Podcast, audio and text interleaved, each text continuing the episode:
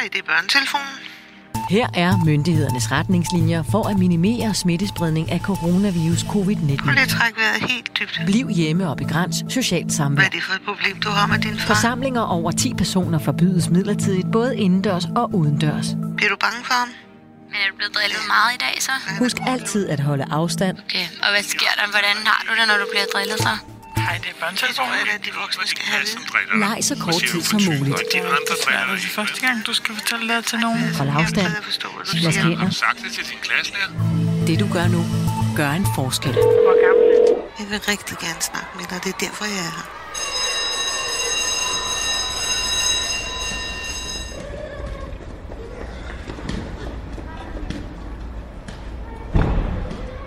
Skolen. Det er lyden af mange børn sammen. Børn, der leger. Børn, der lærer. Børn, der er sammen med lærere og kammerater i mange timer hver dag. Men i et par måneder her i foråret har skolerne været ganske anderledes stille. Midt i marts lukkede statsminister Mette Frederiksen det danske samfund ned. Ikke bare for de voksne, men også for børnene. Velkommen til øh, endnu et pressemøde her i øh, statsministeriet. Det jeg vil sige i aften, det kommer til at få store konsekvenser for alle danskere. Der vil komme øh, svære situationer nu for rigtig mange borgere, og der bliver brug for, at vi hjælper hinanden.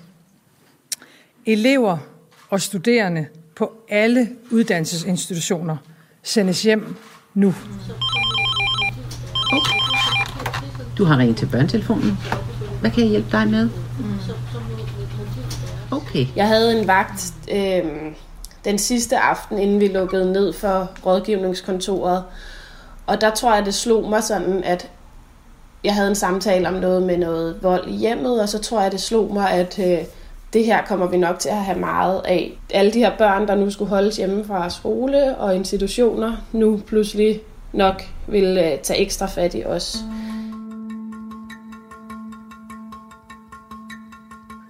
Et helt nyt liv åbenbarede sig for danske børn og deres familier, da Mette Frederiksen lukkede samfundet ned. Et hjemmeliv i familiens skød. 24 timer i døgnet skulle børnene være hjemme sammen med de forældre, der enten heller ikke var vant til at være hjemme hele døgnet, eller ikke var vant til at være hjemme sammen med deres børn. Børnene skulle gå i skole hjemmefra via computeren. De skulle vaske hænder, de skulle holde sig inden døre, hver dag, hele tiden, uden kontakt med andre end familien. Vi øh, har rigtig mange børn, som kontakter børnetelefonen, som øh, er kede af, at de hele tiden er derhjemme. Det er en stor problemstilling for udsatte børn, at de er har været nødt til at være hjemme hos forældre, eller hos den ene forælder i hvert fald. Og i særdeleshed de børn, hvor, øh, som ikke har en god relation til deres forældre. Sådan siger chefen for børnetelefonen, Marianne Rasmussen. Så på den måde kan man sige, at børnetelefonen godt kan være sådan en lakmus øh, prøve eller billede på, øh, på det, der sker i samfundet øh, her og nu. Her er myndighedernes retningslinjer for at minimere smittespredning af coronavirus covid-19. 1. Bliv hjemme og begræns socialt samvær. 2. Vask dine hænder tit eller brug håndsprit. 3. Hold afstand til andre mennesker. 4. Nys og host i dit ærme, ikke i dine hænder. Det du gør nu, gør en forskel. Den her udsendelse handler om de over 1000 nødråb børnetelefonens 600 rådgivere lagde øre til fra børn under coronanedlukningen. Optagelserne til udsendelsen er lavet, mens Danmark stadig var lukket ned, og ingen for eksempel vidste, hvornår de store børn kunne komme tilbage i skolen. På det tidspunkt skete der et markant skifte i de emner, børnene ringede ind om. Det fortæller en af børnetelefonens erfarne rådgivere, Vivian Bjørn Carlsen. Jamen altså, der er sket en forskydning, i hvert fald i forhold til, hvad det er, de ringer om. Øhm, jeg kan huske, da jeg startede på børnetelefonen, der var jeg meget nervøs og tænkte, puha, er det nu de her hårde opkald omkring øh, ting, der sker i hjemmet? Og blev glædeligt, glædeligt overrasket dengang, fordi det jo viste sig, at det var kærlighed og forelskelse, der lå i top. Øhm, og der er sket en forskydning nu, fordi jeg kan mærke, at de opkald, jeg tager nu, ikke primært handler om kærlighed og forelskelse hos hos de her teenager, som vi taler rigtig meget med. Altså det er en stor del af dem, vi taler med, er sådan i teenage-aldersgruppen. Det, der fylder mest øh, lige nu, det er rent faktisk forholdet mellem børn og forældre. Øh, jeg har siddet med flere samtaler her de sidste to måneder, hvor jeg har tænkt, her burde man lave en underretning. Og det kan vi jo så heldigvis gøre en fra os af også. Så det, det er mere på, på hjemmefronten, kan man sige. Altså det er der problemerne ligger øh, i øjeblikket, sådan som jeg i hvert fald oplever det. Her er myndighedernes retningslinjer for at minimere smittespredning af coronavirus covid-19. 1. Bliv hjemme og begræns socialt samvær. Rådgiver Julie Larsen Zachariasen oplevede også, hvordan det var tungere problemer, børnene havde brug for at snakke om. Før alt det her var det ikke sikkert, at man havde en vagt, hvor man fik nogle af den slags samtaler. Og nu synes jeg, at man har det på hver vagt, og ikke kun én, måske flere øh, på hver vagt. Ikke? Det er der jo måske altid, men vi får i hvert fald flere henvendelser omkring det, fordi at det nok ja, både bliver værd derhjemme, eller at børnene i, i højere øh, grad er udsat for det, fordi de er mere derhjemme. Og så det får måske flere til at kontakte os omkring det. Bliv hjemme. Mød kun andre mennesker, når det er højst nødvendigt. Overvej at udskyde fødselsdage og fester. Orienter dig løbende på coronasmitte.dk. Det du gør nu, gør en forskel. Altså, øh, for eksempel øh, talte jeg på et tidspunkt med en, en øh, 12-årig pige, som fortalte, at forældrene var skilt, og hun boede hos moren, og, øh, og moren øh, udøvede høj grad af psykisk vold øh, var meget ubehagelig overfor hende, meget voldsom, og i den her situation, så var hun ekstra presset af, af at, øh, at øh, mor hun råbte af hende, og øh, faktisk altså, på mange måder udtrykte, at hun ikke øh, kunne lide, at hun var der. Og, øh, og pigen måtte klare sig selv. Hun måtte selv sørge for mad til sig selv og til sine søskende. Og, øh, og det er øh, sådan en situation er jo rigtig svær når ekstra svær, når det er, at man ikke rigtig kan få hjælp af andre. Øh, og man ikke rigtig kan opsøge hjælp, og man kan ikke få en pause, som det ellers kan være for sådan en pige. Og det var også nogle af de ting, hun sagde, at øh, hun ville så gerne i skole, fordi øh, i skolen kunne hun få lov til bare at være sig selv. Så hun er fanget derhjemme, og dem møder vi flere af på børnetelefonen. Børn, som er fanget af det, at de ikke kan øh, øh, komme i skole, de kan ikke komme ud, de kan ikke øh, tale med andre voksne, de kan ikke øh, være sammen med andre unge. Øhm, og det er, øhm, det er jo selvfølgelig kendt for rigtig mange, men for de børn, der har det svært i relationerne derhjemme, der er det rigtig svært. Det er meget udfordrende at være barn i. Og det er ekstra komplekst, når det er, at man for eksempel bor hjemme med en psykisk syg eller alkoholiseret far, at man øh, ikke kan, altså man kan gå ned, man kan gå ud, men, men man kan ikke rigtig få en pause derhjemmefra. Og man kan ikke bare gå over til en kammerat. Det er jo sådan, vi møder mange øh, unge mennesker, som tilbringer en stor del af deres tid hjemme hos en kammerats øh, familie, øh, Øh, fordi det er en måde at få en pause fra deres egen familie.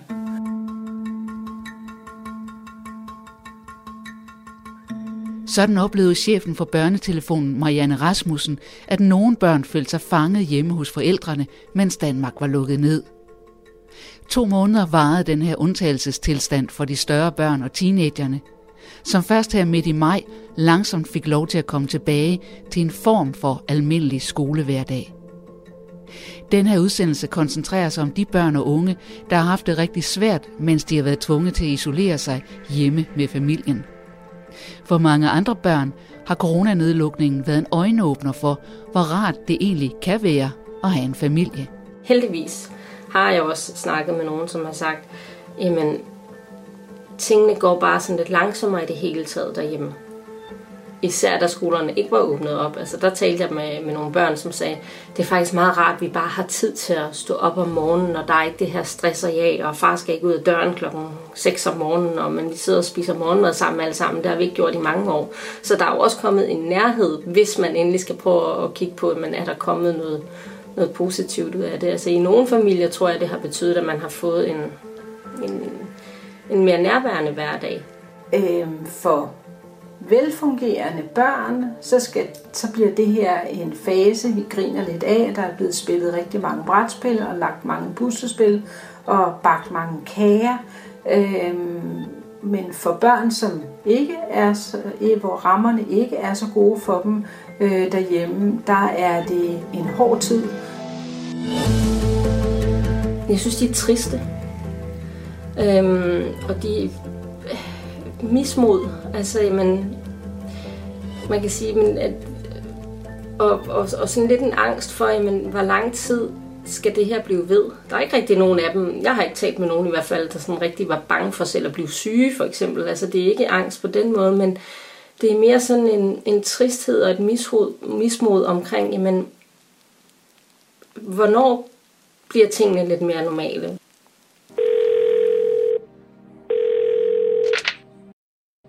Hej, det er børnetelefonen. Prøv lige at trække vejret helt dybt. Jeg vil rigtig gerne snakke med dig, det er derfor, jeg er her. Børnetelefonen er et anonymt og gratis tilbud til alle børn, der har brug for hjælp, rådgivning eller bare en kompetent voksen at snakke med. Og børnetelefonen bliver brugt. Sidste år havde rådgiverne 55.000 samtaler med børn på enten telefon, sms eller chat. Børn helt ned til 6-årsalderen kontakter børnetelefonen, men de fleste er teenager i alderen 13-15 år. I starten af coronanedlukningen havde børnene brug for at snakke meget direkte om corona. Det er jo sådan på børnetelefonen, at vi jo vi meget tidligt jo kan registrere, når noget bevæger sig ude blandt børn og unge. Øh, og det kan vi jo blandt andet, da, altså når, når børn bliver bange for et eller andet, når der er noget, der bevæger sig ude i samfundsdebatten, så meget hurtigt begynder børn jo at ringe til os om det.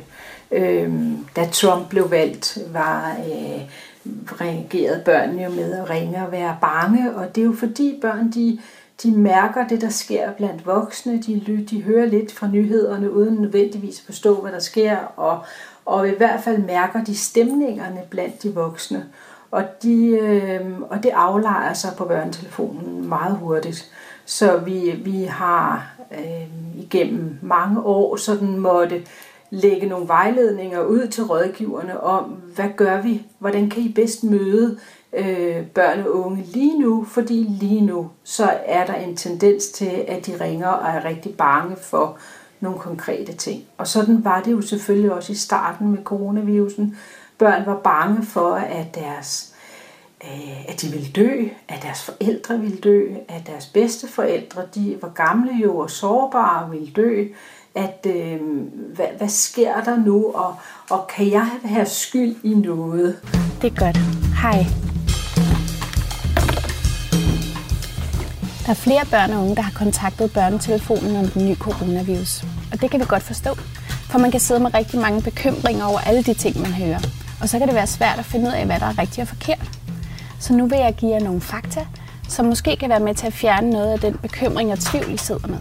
På den måde så øh, fyldte sådan den faktuelle viden om corona og alt den snak og bekymring, der var blandt voksne, den leger sig jo blandt børnene på et øjeblik, og det kan vi høre på børnetelefonen. Der er en dreng, der skriver, Jeg er bange for ny coronavirus, men mine forældre synes, jeg er pylret. At det kan være svært at være derhjemme. Øh, for de føler, at forældrene er mere stressede, de føler, at forældrene er mere sure, og de arbejder hele tiden, kan jeg huske, der var en, der sagde til mig.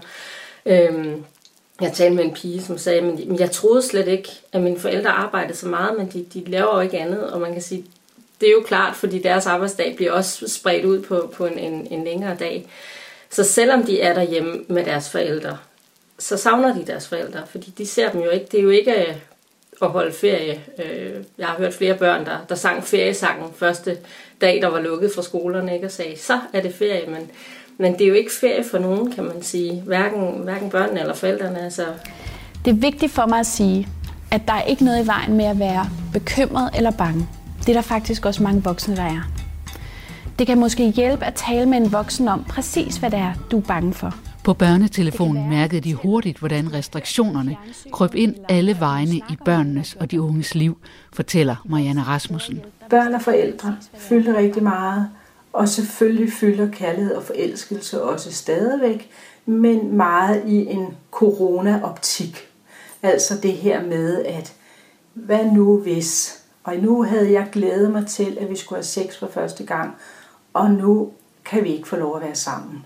Eller nu er jeg bange for, at han ikke længere vil være kæreste med mig, fordi nu har vi ikke set hinanden længere, længe, og han har nok glemt mig. Og nu tænker han nok ikke længere på mig, nu har hans, hans følelser nok ændret.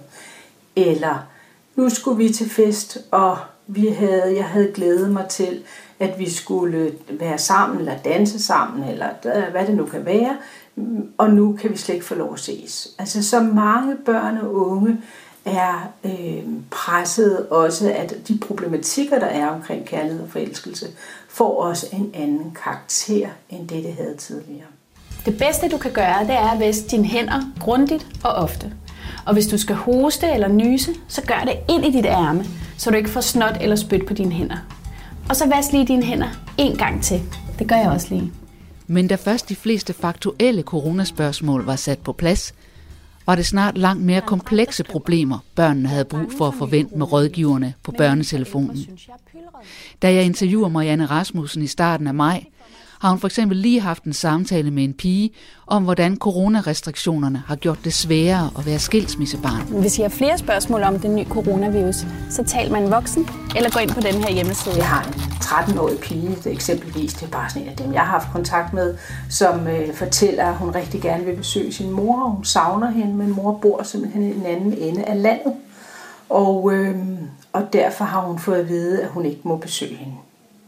Så, og det er jo sådan en klassisk problematik, det er de her skilsmisseproblematikker, af at øh, enten er forældrene bange for, at nu smitter man, hvis man er hos den anden part, øh, eller også så at er der bare rigtig mange konflikter forbundet med det, og, øh, og hvor børnene jo så typisk trækker sig og, øh, ja, og ligger lidt under for konflikten. Det er vældig ubehageligt for børnene. Og det er vældig ubehageligt for børnene, at de voksne ikke kan håndtere sådan voksenansvaret og sætte rammerne for børnene øh, i de her ekstreme situationer. Og det er jo blandt andet det, at man, kan pot, man påtager sig noget skyld, og man, øh, man får også nogle gange tillagt nogle, nogle øh, sådan motiver eller nogle, nogle egenskaber, som, øh, som børn jo ikke skal have. Det forstærkes i høj grad af coronakrisen. Det her med skilsmisse og det at bo i hver sin ende af landet er jo en, et kæmpe dilemma for, øh, for børn. Det er det altid. Øh, men det er det jo i ekstrem situation nu, hvor de øh, måske ikke kan, kan øh, besøge den forældrepart, og måske er der, ligger der en sag og venter og er ikke blevet behandlet. Eller, altså der er rigtig mange børn, der ligger under for skilsmisseproblematikker i forbindelse med de her corona. Øh, sammensatte familier, vi har, dem har vi jo så mange af, og det er jo meget dilemmafyldt for børnene, at de øh, ikke kan indgå på normal vis med hinanden, men hele tiden skal forholde sig til, åh nej, nu kan jeg ikke være sammen med min mor, hun er måske lidt skrøbelig, eller nu kan jeg ikke være sammen med min far, fordi hans kone vil ikke et eller andet, og sådan.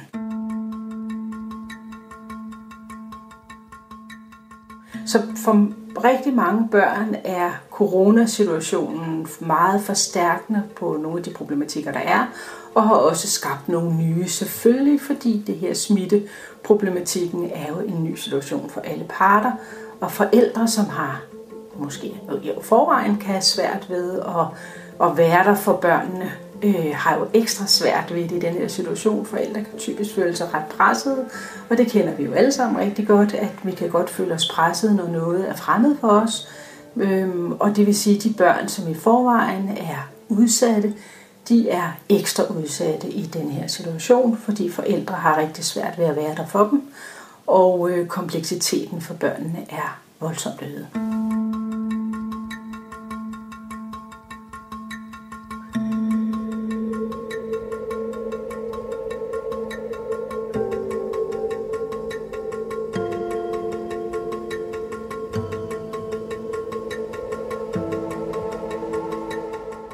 Det kan jo være børn, som øh, bor i familier, hvor der er misbrug, eller børn, der er øh, der generelt ikke trives vældig godt hjemme hos deres forældre, de, øh, de får ikke de pauser, de ellers har fået i, ved at gå i skole for eksempel.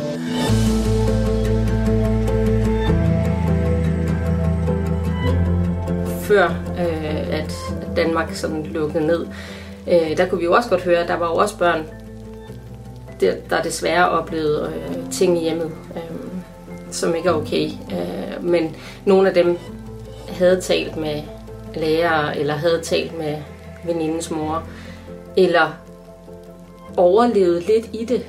Altså igen det her med, at jeg har brug for pausen, jeg skal væk fra min familie. Øh, de overlevede, de fik de her åndehuller i hverdagen, som skolen kunne tilbyde, som fodboldklubben kunne tilbyde, håndbold, øh, ja, og så videre, hvad de ellers går til. Under coronanedlukningen havde rådgiver Vivian Bjørn Carlson også samtaler med børn, der pludselig opdagede ting i familien, de tidligere ikke havde set. Nogle af dem lægger også mere mærke til, hvad det egentlig er, der er galt i hjemmet. Jeg husker, jeg havde en, en samtale med en, en ung dreng, som sagde, men nu kan jeg se, hvor slemt det er. Nu kan jeg faktisk se, at, at, at min far ikke kan tage sig af mig.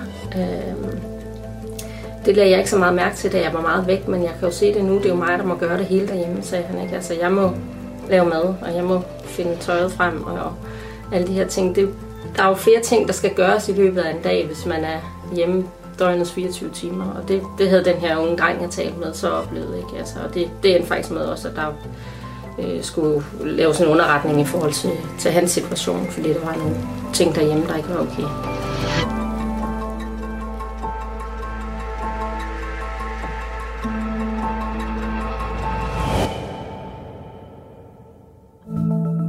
Husk fortsat de gængse råd. Hold afstand, vask hænder og host og nys i dit ærme.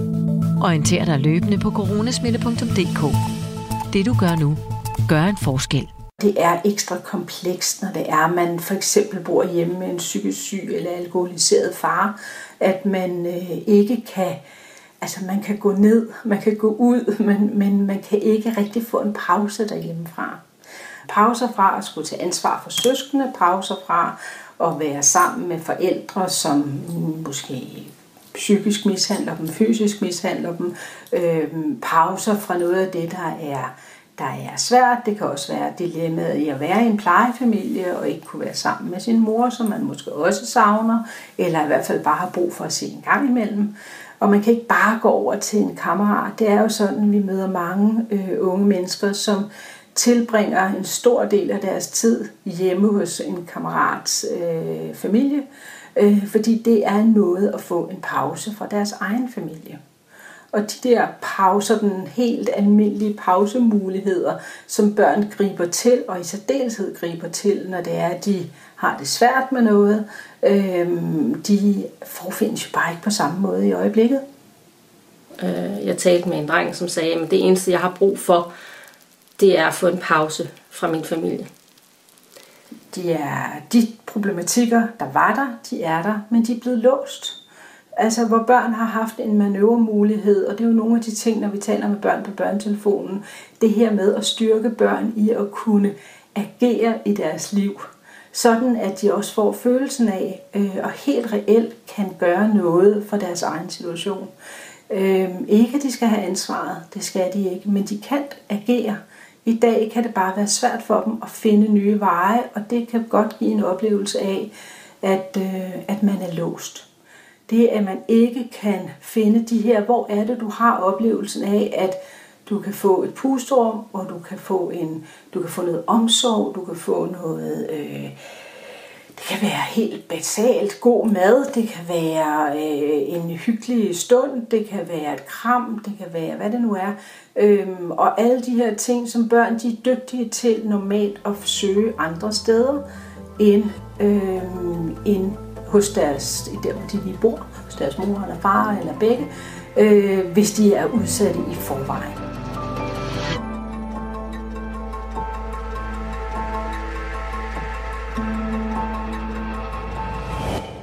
Velkommen til pressemødet.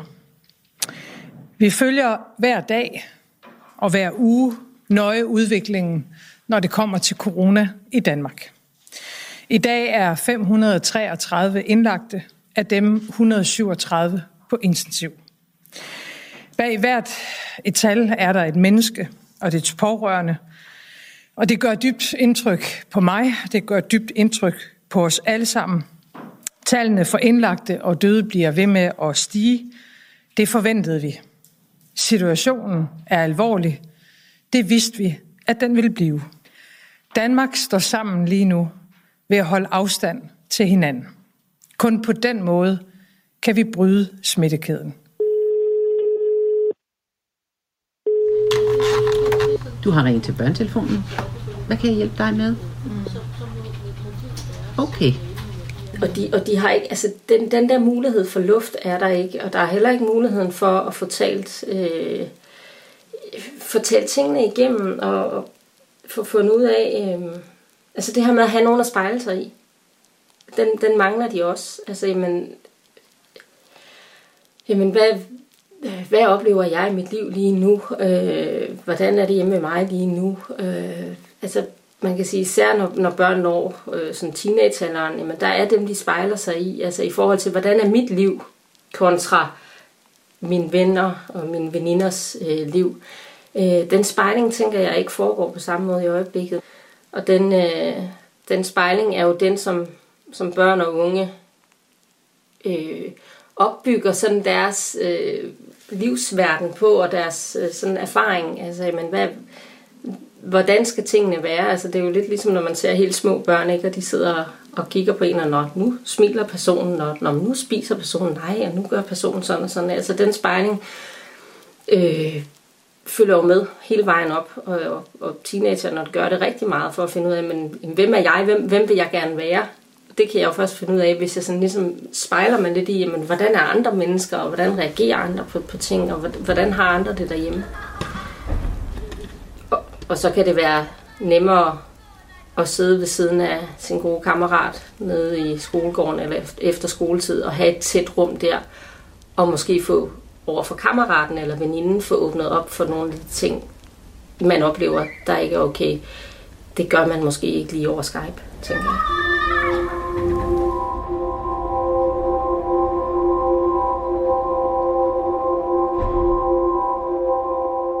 Det er selvfølgelig super svært for børn, øh, når vi som samfund har lukket nogle af de veje, som de tidligere har kunne bruge, nemlig at søge ud til noget familie, eller en kammerat, eller en kammerats familie, eller noget andet, eller en lærer, der kunne være god at tale med, eller hvad det nu kan være. Så, og jeg vil også sige, at der er jo rigtig mange børn, der ikke bliver opdaget i øjeblikket, fordi man jo ikke ses. Så, øhm, så derfor er der da også rigtig mange børn, der kan fortælle om noget, hvor man må sige, puha, øh, det vil være godt, at du får noget hjælp der, hvor du bor. Og vi får lavet en underretning til din kommune. Ikke? Ja, det kan være børn, der er udsat for, for øh, sådan fysiske eller psykiske overgreb af forskellige slags. Øhm, og det, at børn faktisk er... Øhm, altså, at der er ikke nogen, de, rigtig mange børn har jo svært ved at tale om de her emner med andre. Og, øh, og det, at de øh, heller ikke sådan nemt kan lige komme til at tale med en lærer, for eksempel, øh, kan være rigtig svært for mange børn, og det vil sige, at de lukker i. Øh, og, og det ved vi jo for børn, der har seksuelt misbrugt, at de har jo ofte fortalt det på en eller anden vis, givet udtryk for det, men vi, vi skal jo lytte for, at vi øh, reelt kan handle på det. Og, øh, og børn, som, øh, som måske kun synes, eller som synes, det er ualmindeligt svært at fortælle om det, de øh, giver kun svagt udtryk, øh, og så er det svært at lytte, når man ikke ses. Så der er ingen tvivl om, at der er børn, som er meget presset og meget i klemme, øh, og ikke bliver, for, bliver opdaget, at de faktisk mistrives. Øh, en, en skolelærer eller en pædagog, der, der opdager, at her er der noget, der skal gøres noget ved. De har underretningspligt, øh, og så vil de jo underrette kommunen, og så vil der blive kørt en sag, og der vil blive taget hånd om det her barn. Men hvis ikke de her børn kommer i skole eller kommer ud i andre arenaer, hvor man opdager, at der er noget på spil for det her barn, jamen så, øh, så bliver der måske ikke lavet den underretning, der skal laves.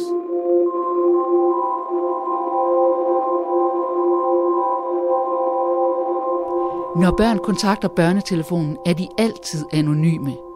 Rådgiverne kan ikke engang se, hvilket nummer børnene ringer op fra.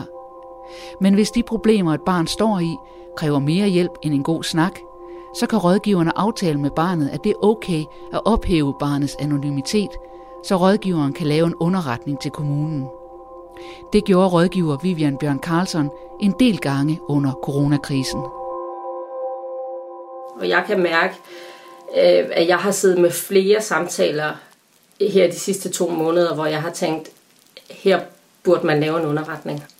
Og det vi jo så råder børnene til, det er, jamen hvis der ikke er nogen voksne, der ved, at der foregår noget, der ikke er okay, så er det rigtig vigtigt, at der er nogle andre voksne end os på børnetelefonen, der får det at vide.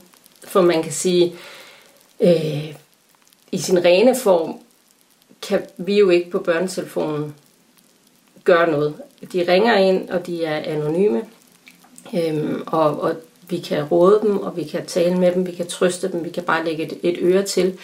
Men hvis vi skal ind og, og hjælpe i forhold til, at de får noget hjælp, øhm, så kræver det, at, at de fortæller os, hvem de er. Og det kan godt øh, afskrække mange børn. Øhm, så bliver det meget, øh, det bliver lige pludselig meget alvorligt, hvis jeg skal fortælle, at jeg hedder et eller andet og bor i en eller anden kommune. Øhm, og det gør vi også meget ud af at fortælle dem, jamen hvis du fortæller mig, hvem du er, hvor du bor og, og hvordan vi kan få fat på dig, så har vi jo også underretningspligt, og så hjælper vi dig, så hjælper vi med at kontakte kommunen, øhm, så der kan blive gjort noget, sådan så at, at du ikke har det så, så skidt derhjemme, som du har det lige nu. Mange af dem øh, reagerer ved at sige, at det er jeg ikke klar til lige nu.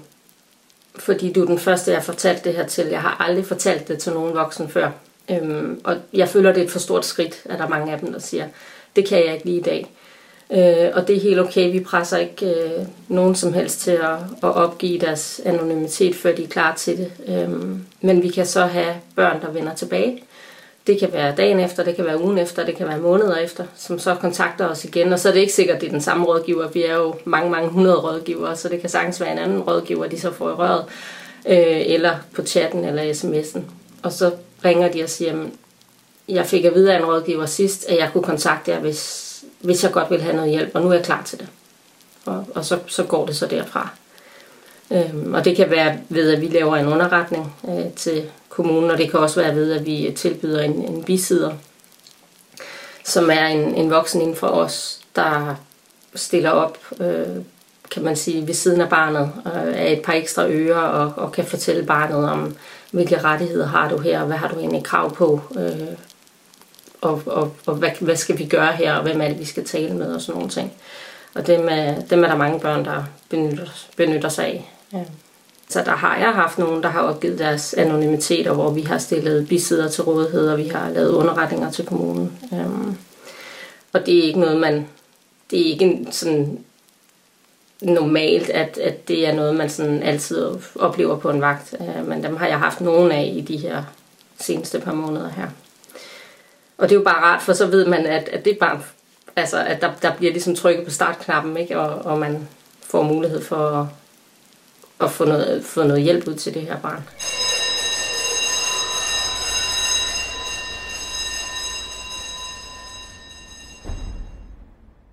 Der sidder en masse altså dygtige både lærere og pædagoger derude, der, der har et, et godt og tæt forhold til, til deres øh, elever. Øhm, og jeg kan også høre faktisk af nogle af dem, jeg taler med, når jeg så siger, har du fortalt nogen voksen om det her, om de ting, der foregår derhjemme? Nej, jeg vil godt have sagt det til min lærer, men nu er jeg jo ikke på skolen, siger det så, så kan jeg jo ikke sige det til ham eller hende. Øhm, og så har vi talt lidt om, jamen man kan jo også godt kontakte sin lærer øh, telefonisk eller sende en sms. Øh, nogle gange kan det faktisk være nemmere at sige det, der er svært ved at, at skrive det ned, ikke? Send, skriv det til din lærer, fordi de er jo de er jo på arbejde. De er bare hjemme bag skærmen, ligesom du selv er, hvis du er ja, mere end 12 år i øjeblikket. Ikke?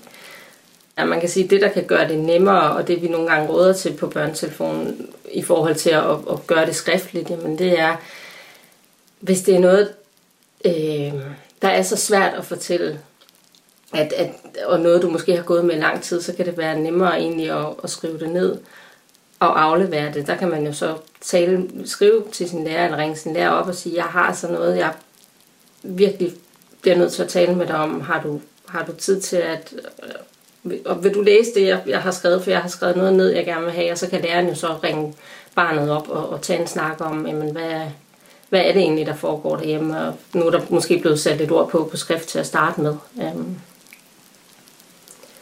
der er nogen også, der siger, jamen, altså, jeg har et rigtig godt forhold til min ven eller venindes øh, mor, for eksempel, eller far.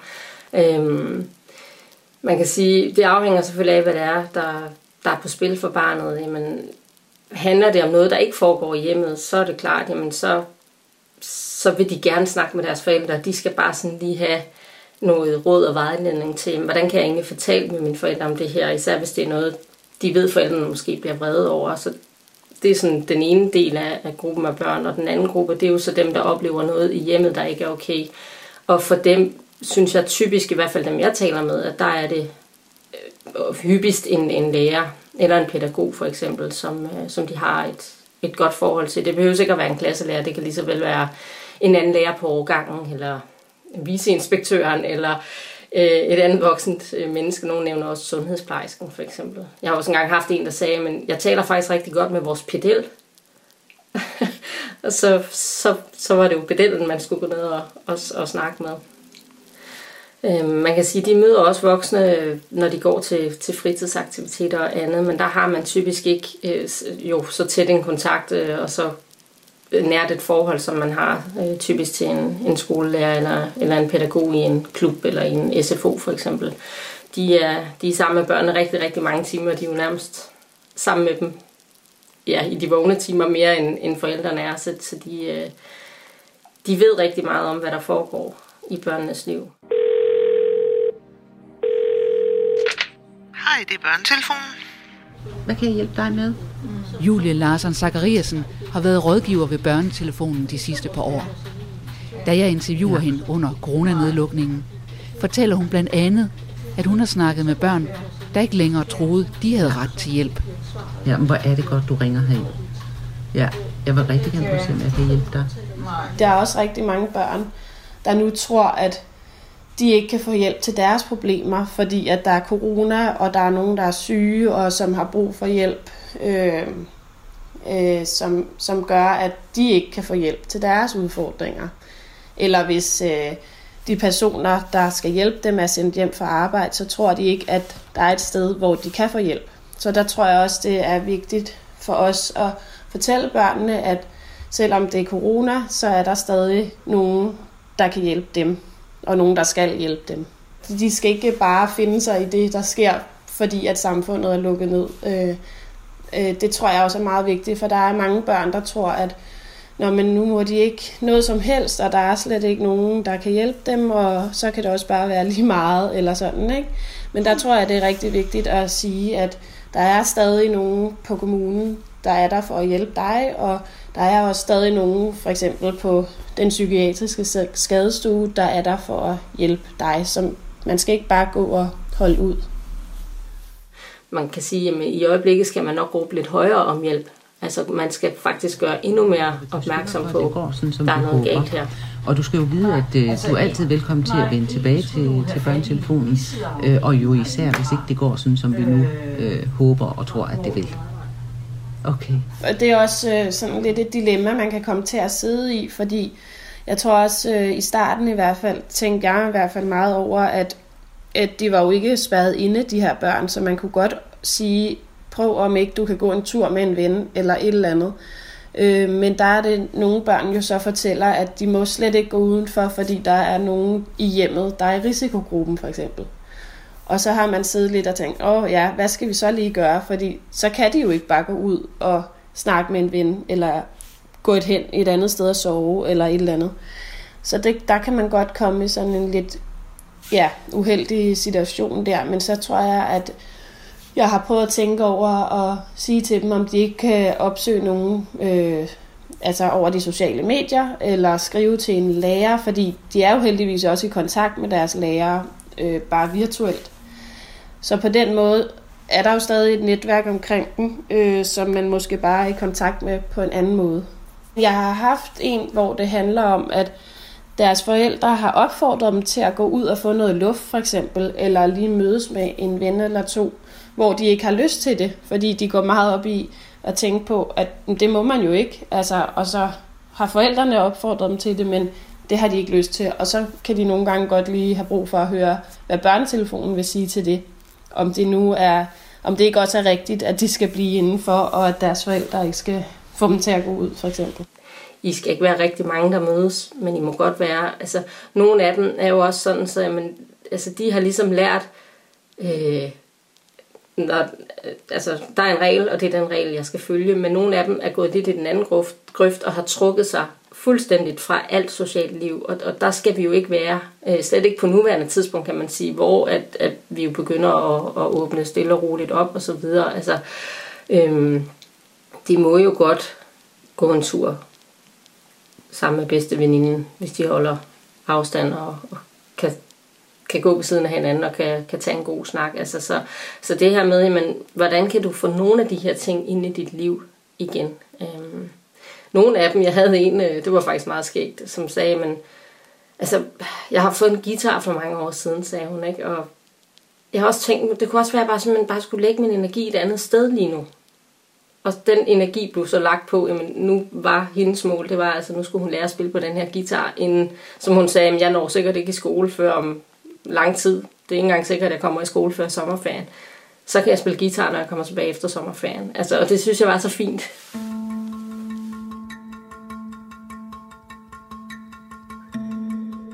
Interviewene til den her udsendelse er som tidligere nævnt lavet i slutningen af coronanedlukningen før de store børn og teenagerne vidste, at de kunne komme tilbage til skolen midt i maj. Så uvidsheden om, hvornår den normale hverdag vender tilbage, fyldte rigtig meget hos de børn og unge, der ringede til børnetelefonen. Og det hænger nok sammen med bekymringerne, om de kan for eksempel fortsætte på deres øh, ungdomsuddannelse, om de kan blive student næste sommer, og om de overhovedet øh, får lov til at gå i skole igen, agtigt, ikke?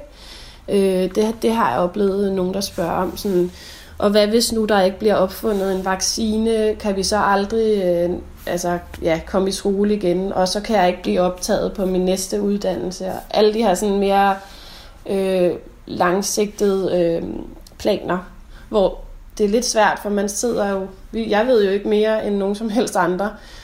Øh, men så må man snakke lidt om, om den tvivl, barnet har, og de bekymringer, der, der ligesom hører med til det, og hvad det så har af betydninger for lige præcis det barns situation, at vi er i sådan en her uvis, ja, uvis situation alle sammen. Øh, og det kan jo i sig selv også bare være ubehageligt, så der kan det jo også bare være rart at snakke lidt om det, selvom man ikke kan få konkrete svar på de spørgsmål, man har. Altså, der var en, der sagde til mig, men jeg synes bare ikke rigtigt, der er så meget at se frem til. Og det har jeg jo hørt mange voksne mennesker i den her tid også sige, jamen, hvad er det, vi ser frem til? Øh, og for nogle børn og unge, jamen, der kan det være, at de ser frem til at tale med deres lærer i morgen. Eller se deres venner i skolegården i morgen. Eller vide, at øh, vi skal på tur på fredag, eller hvad det nu kan være. Ikke? Altså, så det der med, jamen, hvad, hvad har jeg at se frem til? Den, øh, den sætter de spørgsmålstegn med, og, og den har de den har de lidt mistet gnisten i forhold til.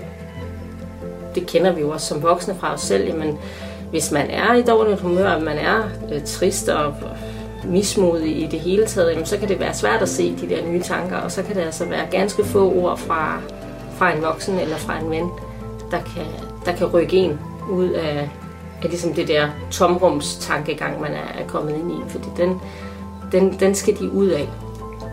Øhm, for,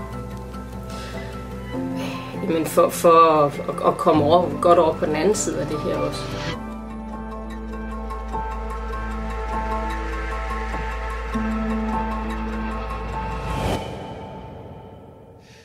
Det er mange som har blitt eh, takket takka for innsatsen i denne tiden. Og jeg mener at det nå er på høy tid å takke ungdommene våre, for de har ofra mye. Den 29. april holdt den norske sundhedsminister Bent Høje en tale til den norske ungdom. En tale, hvor han anerkendte, at det har været særligt svært for de unge at lide afsavn under coronanedlukningen. Våren du fylte 14 år, ligger ikke i ro og venter på at du skal komme.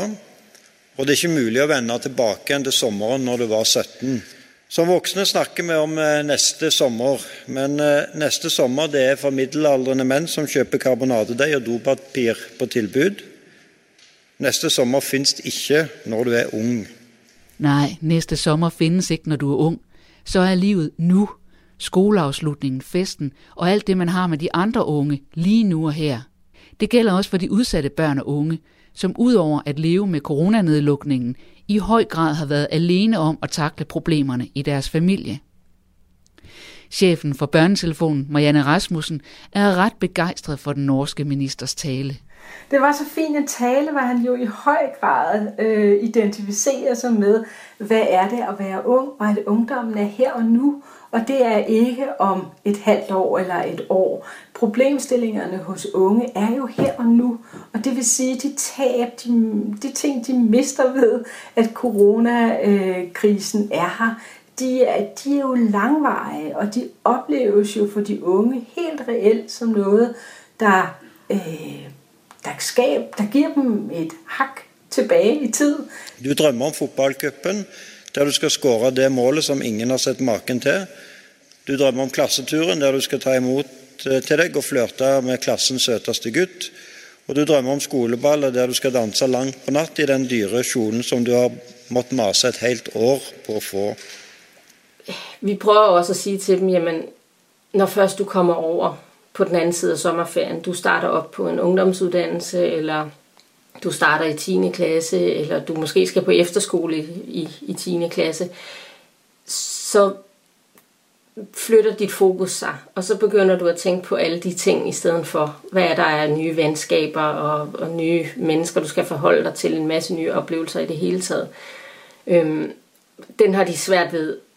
Altså det synes de ligger meget langt frem i tiden. Altså det er klart, at det de fokuserer lige nu på, altså det er det de mangler, og det de havde set frem til.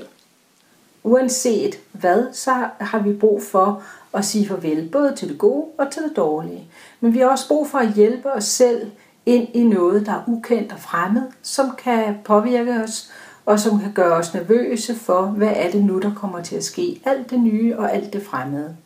Så derfor er livsovergange særlig vigtige, så vi ordentligt får øh, sagt farvel til det, vi var i, og goddag til det, vi er på vej ind i. Så, som, øh, så når det er, vi øh, afslutter et skoleforløb eller et børnehaveforløb, hvis du skal skifte skole for eksempel, du skal afslutte øh, som student, jamen du har en hel masse forventninger til, hvad det indebærer. Og dem kommer du ikke til at kunne håndtere. Men du skal også sige farvel til tre år, hvor du er vokset og modnet og, øhm, og har udviklet dig, og det har påvirket dig, og vil på, altså, de år vil for evigt have påvirket dig, fordi det er så væsentlige øhm, unge ungdomsår, når nu vi lige refererede tilbage til den norske minister, øhm, hvor, hvordan de år er her og nu. Øhm, så hvis ikke man får sagt ordentligt farvel, så påvirker de os, så får vi ikke rigtig lukket det kapitel øh, på samme måde, som vi faktisk har brug for.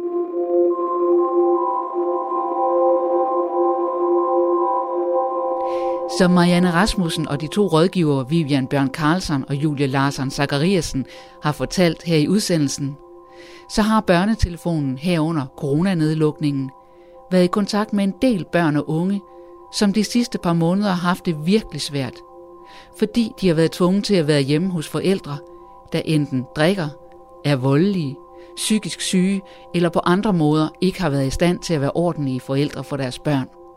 Der er derfor også stor forskel på, hvor meget børnene har fået ud af den digitale hjemmeundervisning, fortæller Marianne Rasmussen.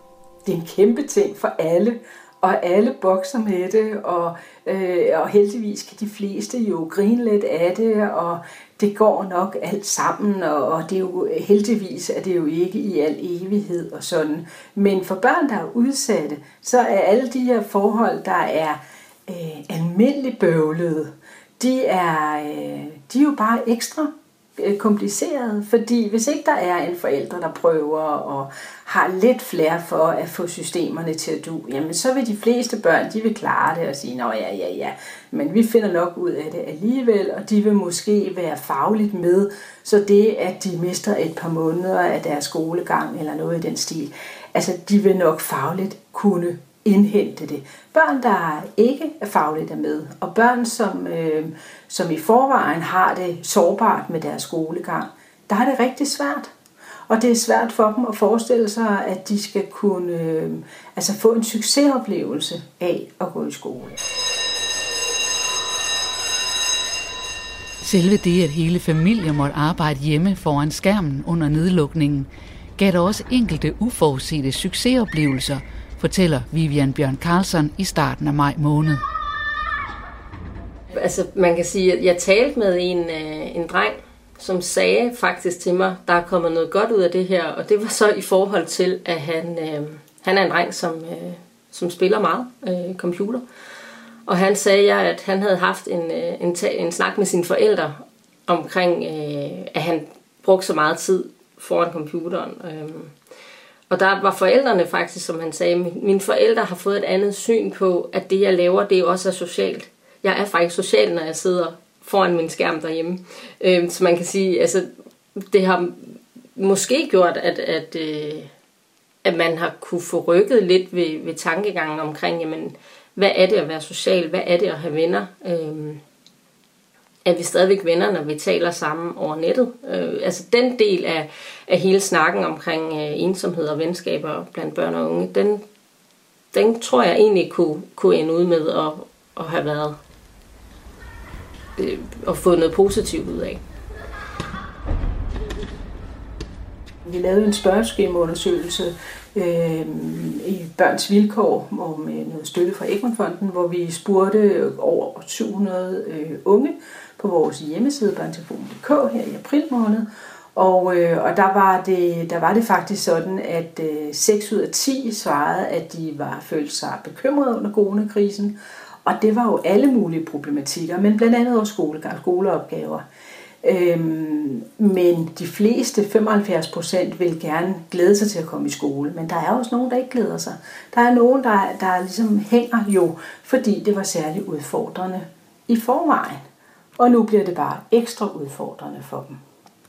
Altså vi vil få en gruppe af, af børn fra altså ressourcesvage hjem, som har haft det rigtig svært. Og det er jo ikke kun i forhold til de essentielle behov, af mad og kærlighed og, og så videre, men det er jo også i forhold til skolearbejde. Så har man nogle forældre, som ikke har noget overskud, som selv har deres ting at kæmpe med, jamen så er det også øh, en meget stor ting for dem at skal Øh, øh, bruge tid og energi på sådan noget som, som skolearbejde.